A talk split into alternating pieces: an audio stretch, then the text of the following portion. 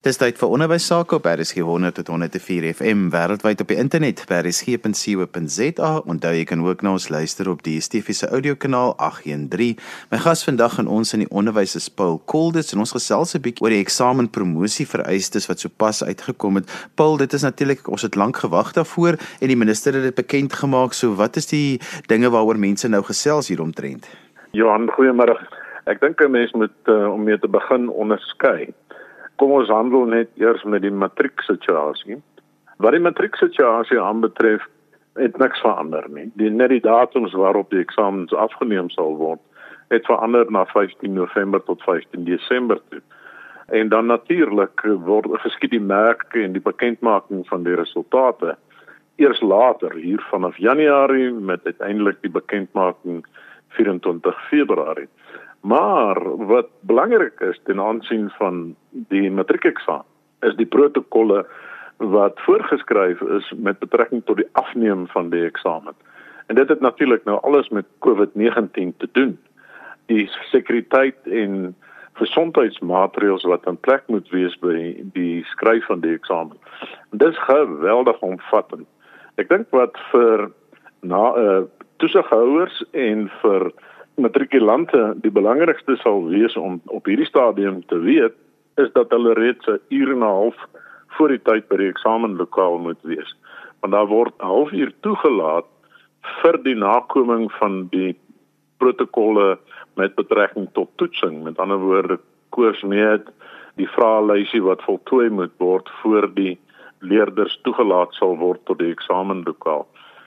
En dan uh, moet ek dit net noem dat die departement van basiese onderwys regtig lof verdien vir die maatreëls wat hulle in plek gestel het om seker te maak dat hierdie eksamen suksesvol afgeneem kan word. Daar is regtig voorsiening gemaak vir elke denkbare gebeurlikheid om seker te maak dat die eksamen met veiligheid afgelê kan word.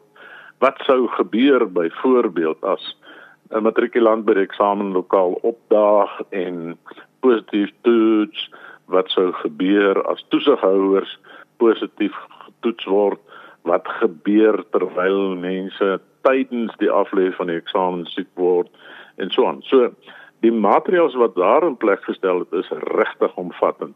Maar wat die akademiese of slagvereistes aanbetref, wat die inhoud van die eksamen aanbetref, dit alles bly presies soos wat dit sou gewees het as daar nie 'n COVID-19 was nie. Omdat die matrikulante natuurlik nie so baie verloor het deur die loop van die jaar as die res van die skool se leerders nie. Paul, ek wil graag hê dat 'n mens moet daaroor praat dat ouers ook hiervan moet kennis neem want ek weet die onderwysdepartement kommunikeer mos nou baie direk met die onderwysers in die skole daaroor vir al die openbare skole. Maar die ouers moet ook kennis neem want as dit my kind is wat positief toets by 'n lokaal, dan moet ek as ouer weet wat ek moet doen, wat my regte is en wat is die prosedure om te volg want 'n matriekeksamen is ons nou daai een kans in 'n lewe geleentheid. As jy hom mis, dan beteken die eksamen amper niks verder nie. Kyk, ek dink wat belangrik is is dat hierdie maatreëls ook voorsiening maak uh, vir die gebeurlikheid waar kinders positief sou toets. As hulle by die skool sou opdaag en hulle het enige simptome soos byvoorbeeld 'n koors van bokant 38, dan moet hulle elke 10 minute getoets word en as dit dan na normaal sou terugkeer, dan sou hulle toegelaat word tot die eksamen.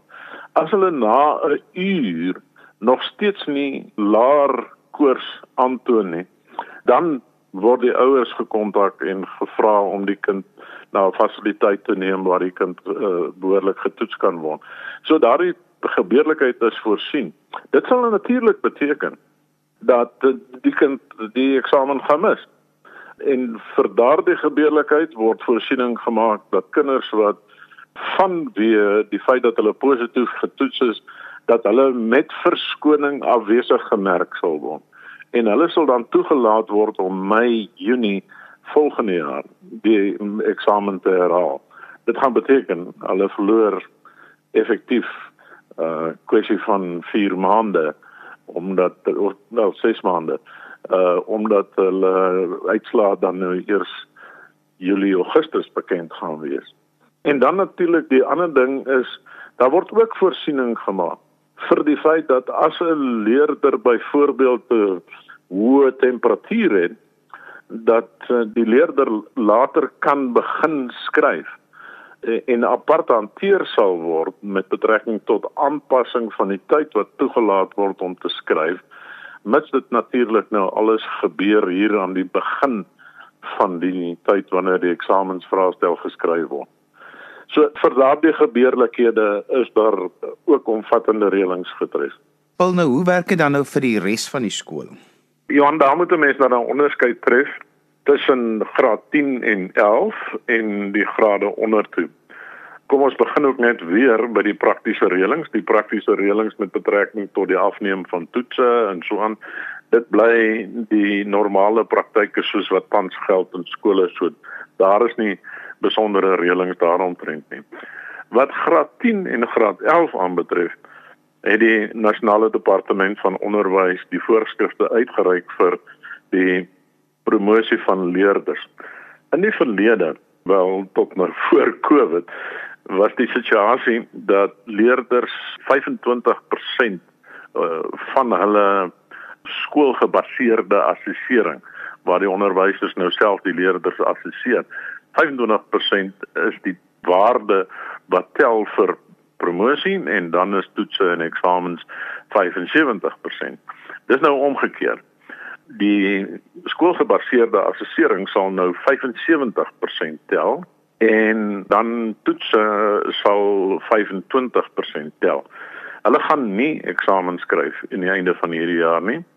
Hulle gaan bloot 'n toets skryf wat deur die skool self opgestel word. Nou, daar is nou voorskrifte met betrekking tot daardie toets ook, soos byvoorbeeld die feit dat die toetse nie werk mag dek in die kurrikulum wat nie deur die loop van die jaar behandel is nie. Onbillik te wees natuurlik teenoor die leerders.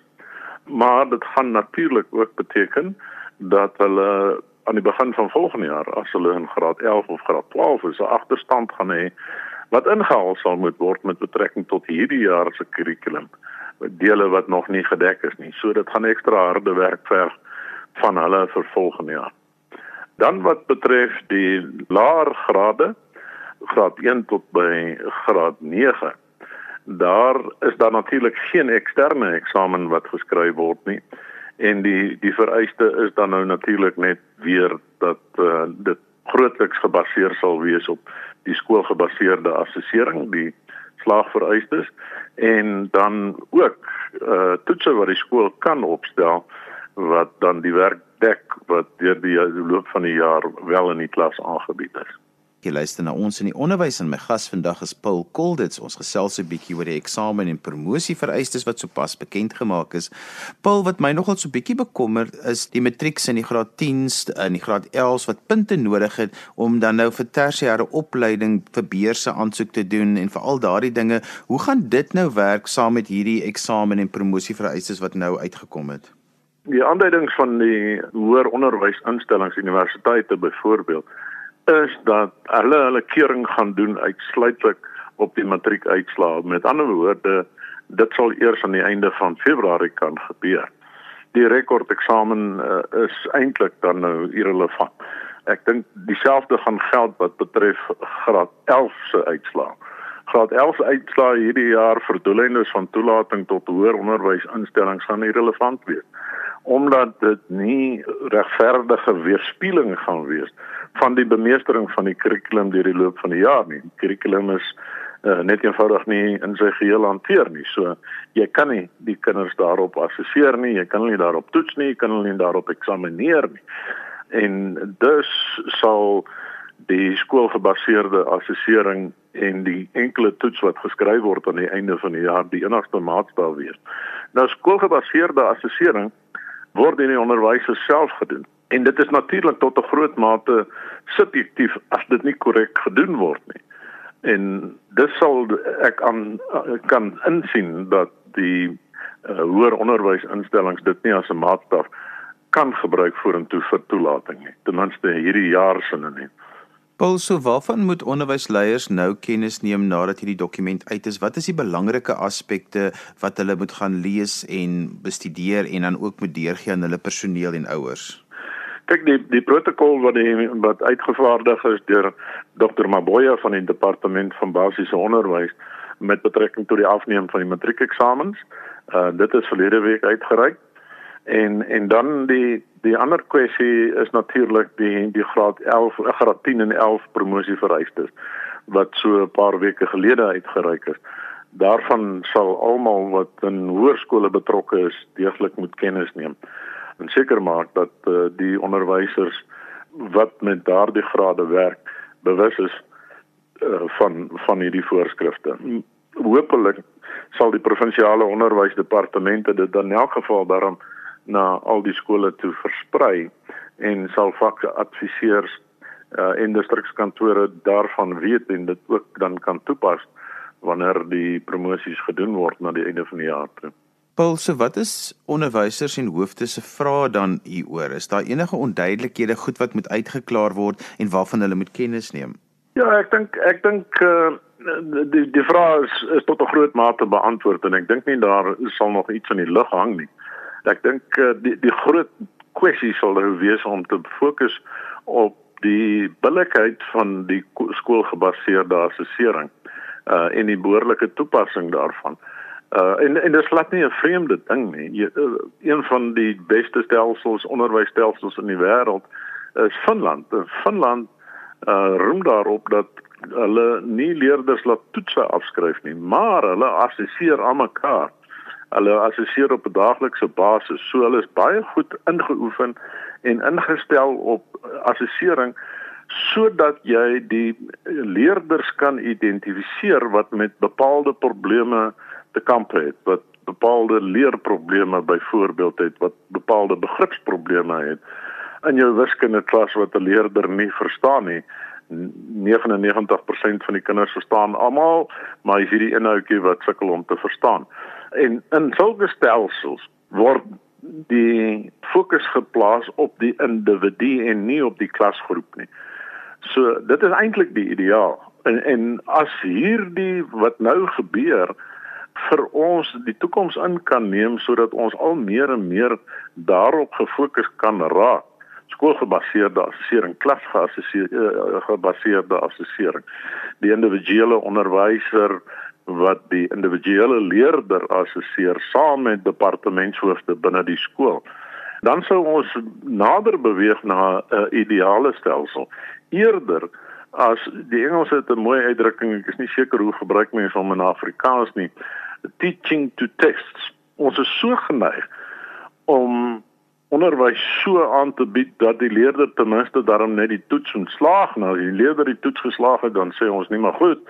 Hy of sy is nou goed genoeg om na die volgende graad toe te gaan, maar miskien is daar onderliggende probleme wat nooit by die skool opgetel is nie en wat nie in 'n toets opgetel word nie. So uh, ons het 'n paadjie om te loop en hopelik is hierdie 'n katalisator wat ons 'n bietjie vinniger op daai paadjie kan laat loop sodat ons beter stelsel kan hê vir ons land. Paul, daar's 'n klomp kinders wat toe nooit teruggekom het skool toe nie. Daai syfers is nogal ontstellend.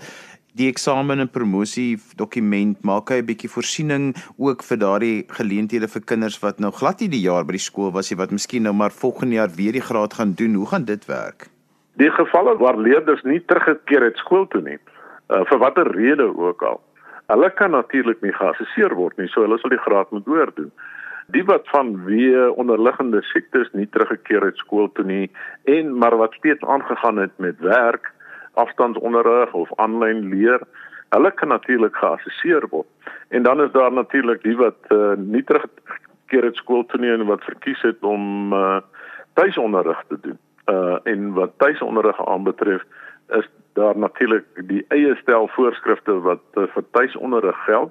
En maar dit sal ook net geld as die ouers wettig geregistreer het vir tuisonderrig anderster is daardie kind uh, vir die jaar verlore en moet terugkeer na dieselfde klas waar hy of sy hierdie jaar sou gewees het Paul gestel nou maar ek was nou 'n lede by skool. Ek het nou in Maart maand het ek nou my laaste dag by die skool gewees. Ek het nie eintlik veel kontak met die skool gehad nie, maar kan ek nog steeds opdaag in matriek vir my eindeksamen of hoe werk dit?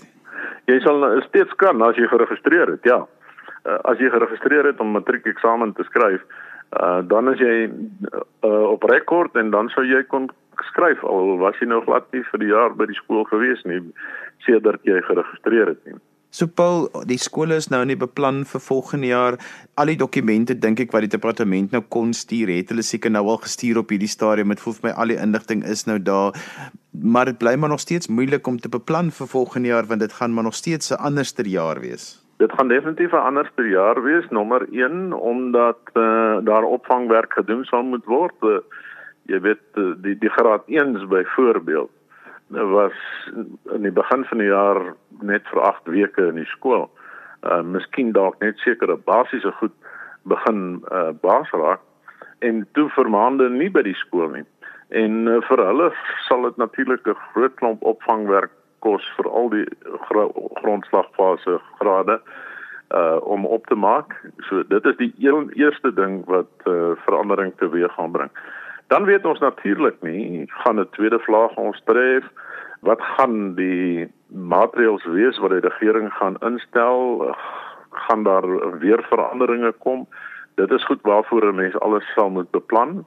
Uh, ek vermoed dat ons nog steeds selfs aan die begin van volgende jaar hierdie nuwe gesondheids- en veiligheidsmaatreëls in plek gaan hê soos byvoorbeeld sosiale afstand verloop dit is nou af na 1 meter toe waar dit in die verlede 1.5 meter was en 2 meter was. Maar die dra van maskers gaan dalk nog steeds 'n vereiste wees. Sanitering gaan dalk nog steeds 'n vereiste wees. So dit is alles gebeurlikhede waarvoor ouers en skole moet beplan. En dan eh, vanuit ons oogpunt ook gesien groot vraagtekens oor wat die finansiële impak gaan wees op skole volgende jaar met ouers wat hulle werk verloor het, met mense wat salarissnye moes vat, inkortings moes hanteer, met besighede wat toegemaak het. So daar is 'n klomp onsekerhede. En 'n mens wil amper wens dat 2021 moet aanbreek dat ons meer sekerheid kan hê oor waarheen ons op pad is in die jare daarna. Paul net so 'n laaste vraag oor die beheerliggaamsverkiesings. Dit gaan nog aan soos gewoonweg. Dit gaan dalk miskien net 'n bietjie anders lyk as dinge anders op daardie stadium uitdraai as wat ons op hierdie stadium vermoed. Johan, uh, dit dit is ook een ek moet nou versigtig wees as ek sê positiewe uh, gevolg van wat ons tans beleef en dit is die beter gebruik van tegnologie.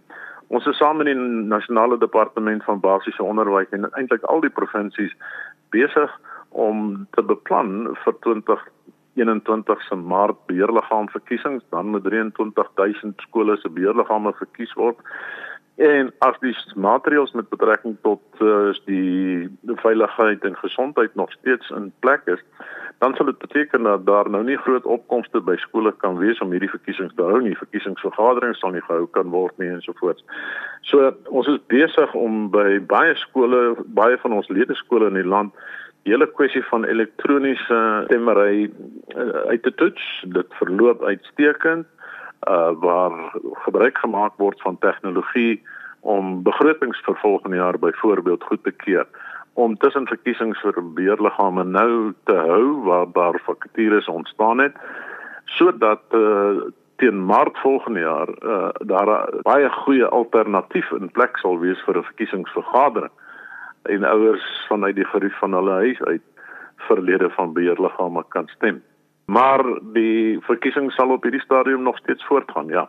En Paul dan 'n heel laaste vraag, gewoonlik hierdie tyd van die jaar kom die skole se ouers bymekaar om oor volgende jaar se begroting te stem. Dit is altyd moeilik om ouers daar te kry. Wat is die prosedures wat skole vanjaar volg?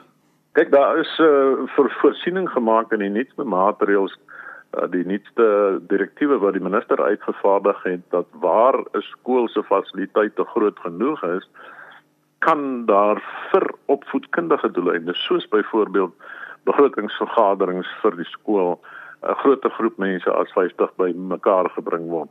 So 'n groot skoolsaal kan daar meer raak mense geakkommodeer word.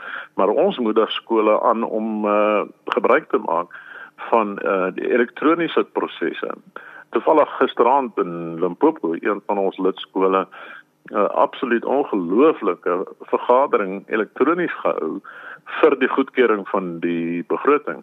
En hulle die grootste persentasie deelname van ouers nog ooit gehad.